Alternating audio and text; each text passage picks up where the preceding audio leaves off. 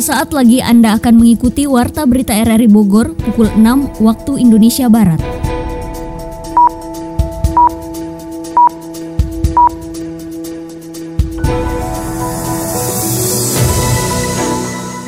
Selamat pagi, salam jumpa. Kami kembali hadir dalam Warta Berita Pagi ini, Selasa 10 Oktober 2023. Siaran ini juga dapat Anda dengarkan melalui audio streaming RRI Digital pada perangkat Android Anda, serta dapat Anda dengarkan kembali melalui podcast kami di Spotify, Anchor, Podtail, dan Google Podcast. Berikut kami sampaikan berita utama. Polres Sukabumi membentuk tim khusus untuk menyelidiki asal-usul tumpukan sampah di Pantai Cibutun, Kabupaten Sukabumi. Peternak dan petani asal Cipayung Girang, Megamendung, Kabupaten Bogor mengeluhkan limbah minyak goreng dan lemak di Kali Ciliwung. Puluhan hektar sawah di Kabupaten Bogor dipastikan gagal panen. Bersama saya Erniwati, inilah Warta Berita RRI Bogor selengkapnya.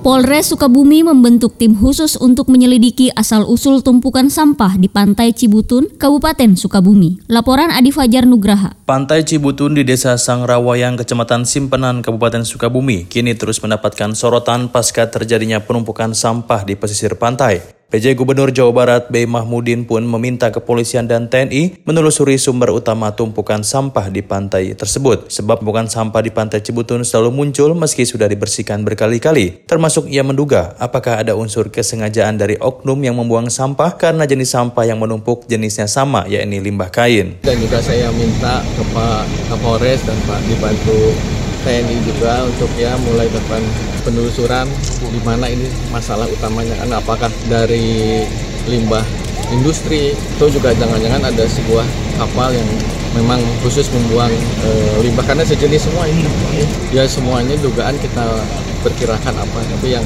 nanti nantilah kita tunggu seperti apa. Karena juga harus juga karena ini lintas kabupaten lintas kota nanti juga kami rapatkan di tingkat provinsi Sementara itu, Kapolres Sukabumi AKBP Maruli Pardede menjelaskan pihaknya telah memerintahkan tim khusus untuk menyelidiki asal-usul sampah yang mengotori pesisir pantai. Limbah kain perca itu diduga bukan berasal dari wilayah kecamatan Simpenan, tapi berasal dari luar daerah yang diduga dibuang ke aliran sungai Cimandiri.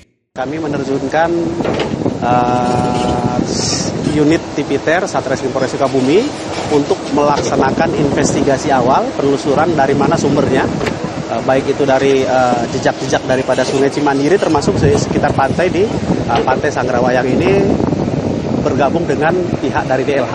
Harapannya nanti dari investigasi itu kita bisa usut lebih tuntas. Tumpukan sampah di Pantai Cibutun menjadi sorotan setelah munculnya video di media sosial dari Pandawara Group yang memperlihatkan sepanjang pesisir pantai dipenuhi sampah. Forkopimda Kabupaten Sukabumi bersama relawan dan juga masyarakat telah bergotong royong melakukan kegiatan bersih-bersih sampah di pantai pada minggu lalu. Peternak dan petani asal Cipayung Girang, Megamendung, Kabupaten Bogor mengeluhkan limbah minyak goreng dan lemak dari aliran Kali Ciseek yang bermuara di Kali Ciliwung. Limbah itu diduga berasal dari restoran, villa, dan hotel. Yofri Haryadi menyampaikan laporannya. Keluhan pencemaran aliran sungai di Kabupaten Bogor kembali menyeruak di antaranya peternak dan petani asal Cipayung Girang, Megamendung Bogor yang mengeluhkan limbah minyak goreng dan lemak dari aliran Kali Ciesek yang bermuara ke Kali Ciliwung di wilayah tersebut. Kali Ciesek memiliki hulu kali di Desa Batulayang, Cisarua, mengaliri banyak lahan pertanian dan juga kolam ikan milik warga. Aliran sungai yang jernih itu pun ada yang dialirkan pada bak-bak penampungan air yang kemudian di disambung pipa ke rumah warga untuk kebutuhan MCK. Kini aliran tersebut dipenuhi limbah sampah plastik. Airnya berlemak dengan bau menyengat terutama pada sore hingga malam hari. Nur Sobah, salah seorang petani dan peternak di Cipayung Girang Megamendung Bogor mengungkapkan ada pipa pembuangan dari cor beton mengarah ke aliran Kali Ciesek dan diduga banyak pemilik restoran, villa, dan hotel membuang limbahnya melalui pipa tersebut. Diduga sih, diduga dari Sungai Cikaniki pertemuan Cianten Ya limbahnya itu du, ada dua sih dugaannya entah itu dari dari atas ataupun dari BAI. Mau disadeng mau coba masuk ke BAI-nya Betonik Alam Indonesia sama mau PP Kecamatan Lewi Sadeng. Ada public check juga di bawahnya di Lewi Sadeng. Antara dua antara dua sih itu antara dua. Laporan itu pun kini masih didalami Dinas Lingkungan Hidup Kabupaten Bogor. Bahkan Ketua PHRI Kabupaten Bogor telah memberikan teguran terbuka kepada restoran dan rumah makan untuk tidak membuang langsung langsung limbah produksinya ke saluran pembuangan. Selain di Kali Ciesek, aliran Kali Cikaniki di Desa Sibanteng, Kecamatan Lewisadeng juga dikeluhkan warga adanya pencemaran. Unit Pol PP Kecamatan Lewisadeng tengah mendatangi lokasi kedua pabrik, yakni pabrik bentonit dan pabrik cat di kawasan tersebut untuk memastikan pencemaran di Kali Cikaniki. Waktu air besar itu samar, walaupun ada minyak nggak terlalu. Nah begitu kering. Itu kelihatan minyaknya. kelihatan. Kan iya mah saya mah berbicara nak. Dam air untuk kepentingan bersama. Tidak ada kepentingan pribadi. Eh cenah ari batur mah ningalina peternakan. Orang yang ngambil air di sini dengan peternakan saya lebih lama mana? 68 kakek saya udah dapat izin. 81 bapak saya dapat izin lingkungan. Dan dulu mah belum ada perkampungan pak. Di atas di sini Di tengah kemarau seperti saat ini, aliran air sungai yang selama ini alirannya diabaikan masyarakat kini justru berbalik. Masyarakat menjadi sangat ketergantungan dengan air sungai tersebut lantaran sumur atau sumber air yang biasa mereka konsumsi berkurang, bahkan tidak lagi mengalir. Sementara bantuan air bersih dari pemerintah sangat terbatas. Warga perumahan Lido Permai, Desa Ciburui, Kecamatan Cigombong, Kabupaten Bogor, resah dengan maraknya kasus pencurian di komplek perumahan mereka. Dalam satu bulan ini sudah dua kali rumah warga di komplek tersebut dibobol maling. Kembali Yofri Haryadi menyampaikan laporannya. Warga perumahan Lido Permai Desa Ciburui Kecamatan Cigombong Kabupaten Bogor resah akibat maraknya kasus pencurian di komplek perumahan mereka. Belum lama kejadian motor warga hilang sekitar satu pekan lalu. Pada Senin dini hari 9 Oktober sebuah rumah milik warga di komplek tersebut dibobol maling. Bahkan dalam satu bulan ini sudah dua kali rumah warga di komplek tersebut dibobol maling dengan modus yang sama. Koordinator lingkungan perumahan Lido Permai Sunarti mengatakan kejadian pencurian di komplek tersebut disinyalir lantaran banyaknya jalan tikus yang menghubungkan komplek perumahan dan jalan utama akses Caringin, Cigombong, dan Sukabumi. minggu kemarin mah itu ya pak rumahnya ya pak rumahnya yang orang blok C itu sama modusnya ngambil laptop juga. Kalau yang motor itu sebelumnya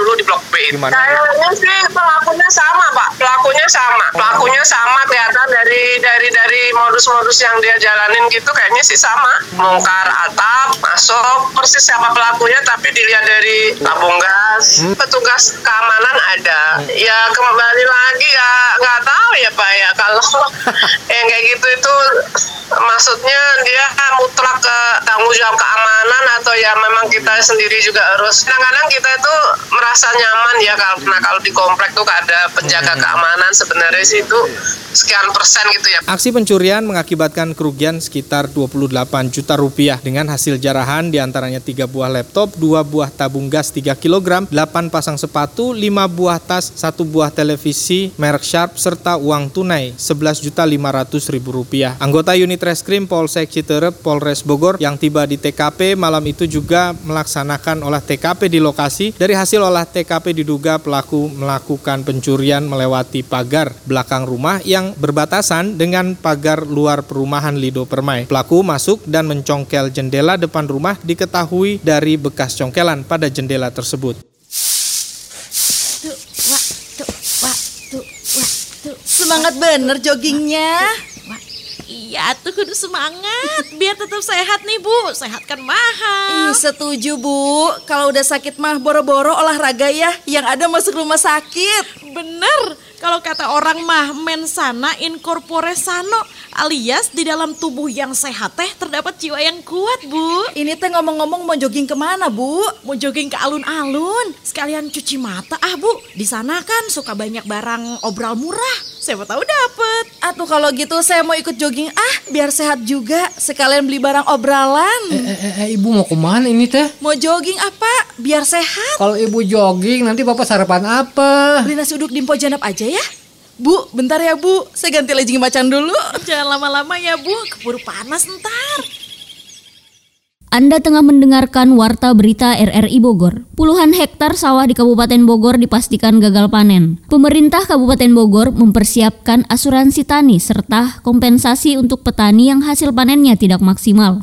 Yofri Haryadi melaporkan. 27 hektar sawah di Kabupaten Bogor dipastikan gagal panen. Pemerintah Kabupaten Bogor mempersiapkan asuransi tani serta kompensasi untuk petani yang hasil panennya tidak maksimal. Dari evaluasi yang dilakukan, Bupati Bogor Iwan Setiawan mengakui tidak hanya terbatasnya sumber air untuk menggenangi sawah terutama saat memasuki periode tanam kedua yang membutuhkan banyak sekali genangan air, namun juga saluran irigasi yang dibangun tidak terintegrasi dengan sawah-sawah lainnya. Terkait hal itu pun Bupati Bupati Wan Siawan menambahkan ada inisiasi dari pemerintah pusat jika pasokan beras di dalam negeri mempengaruhi pasokan hingga ke level terendah, masyarakat diminta mencari pengganti karbohidrat selain beras seperti umbi-umbian. Antisipasi yang bila mana uh, kekeringan ini terus berlanjut dan banyak uh, gagal panen di beberapa wilayah termasuk di Bogor juga. Ya, laporan terakhir itu kurang lebih 27 hektar yang gagal panen karena kekeringan. Dan ini untuk mengantisipasi jangan sampai ada kepanikan masyarakat makanya ada solusi dari pusat untuk uh, pengganti karbohidrat. Nasi itu bisa dengan umbi-umbian ya bisa dengan singkong atau kacang-kacangan dan lain sebagainya. Ya kalau kita tanggapinya positif lah kan kita juga ada BSA ya ini kan bila mana agak beras naik ya langka Kelangkaan pasokan beras di dalam negeri diprediksi juga berdampak terhadap kenaikan harga beras di semua kualitas secara bertahap. Meski demikian, Iwan Setiawan masih optimis cadangan beras milik Kabupaten Bogor sekitar 400 ton beras yang disimpan di gudang penyimpanan Bulog Dramaga. Jadi menurut saya Uh, kalau persediaan beras di Bogor ini sampai saat ini masih aman ya uh, dan uh, saya juga dapat laporan dari DP, DKP peruntukan saat beras kita persiapan 400 ton kalau tidak salah belum terpakai.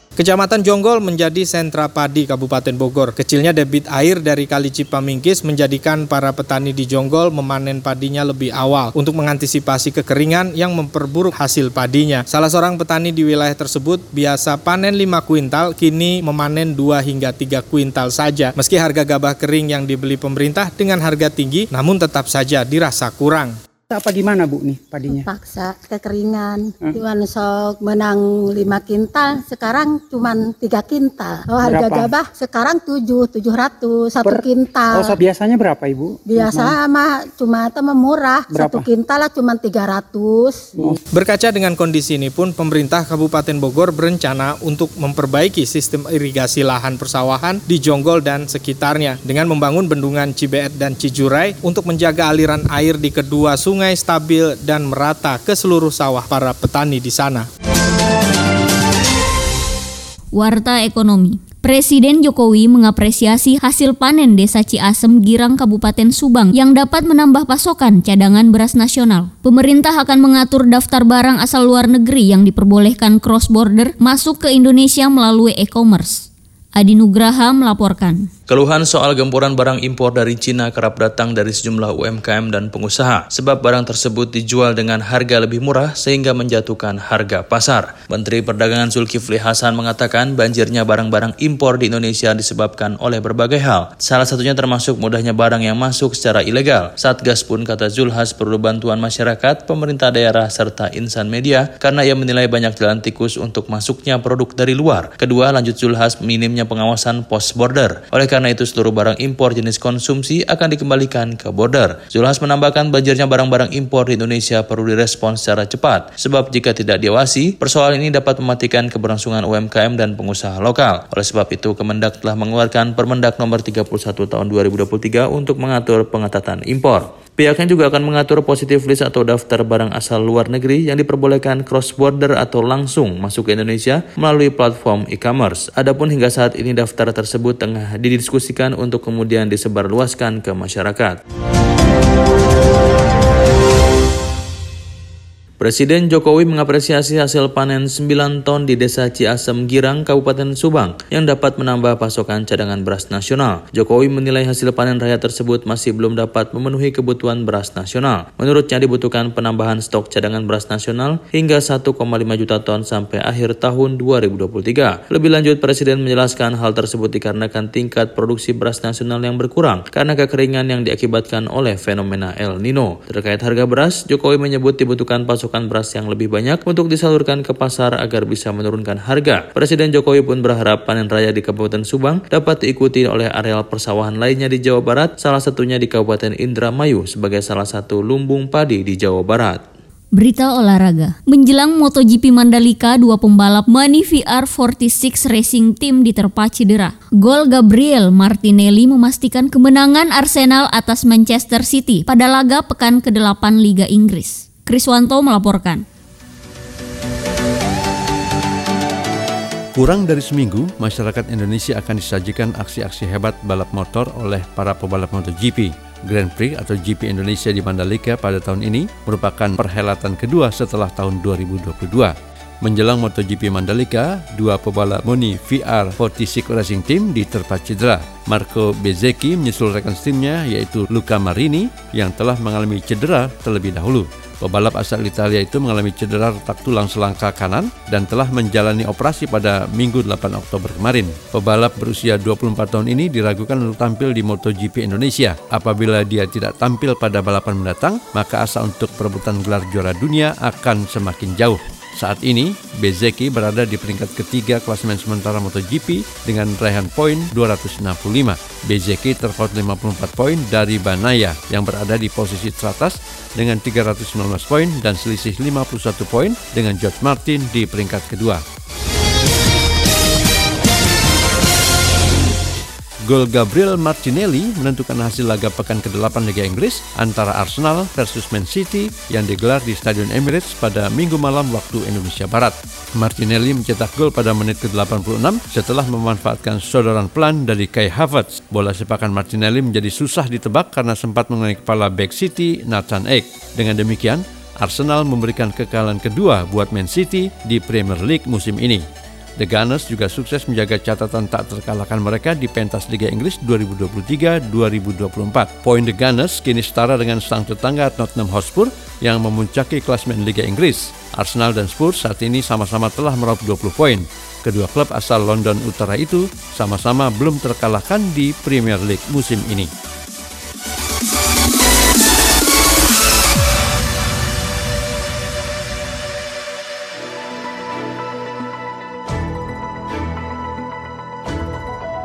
Demikian informasi yang dapat kami sampaikan dan berikut kembali kami sampaikan berita utama hari ini. Polres Sukabumi membentuk tim khusus untuk menyelidiki asal-usul tumpukan sampah di Pantai Cibutun, Kabupaten Sukabumi.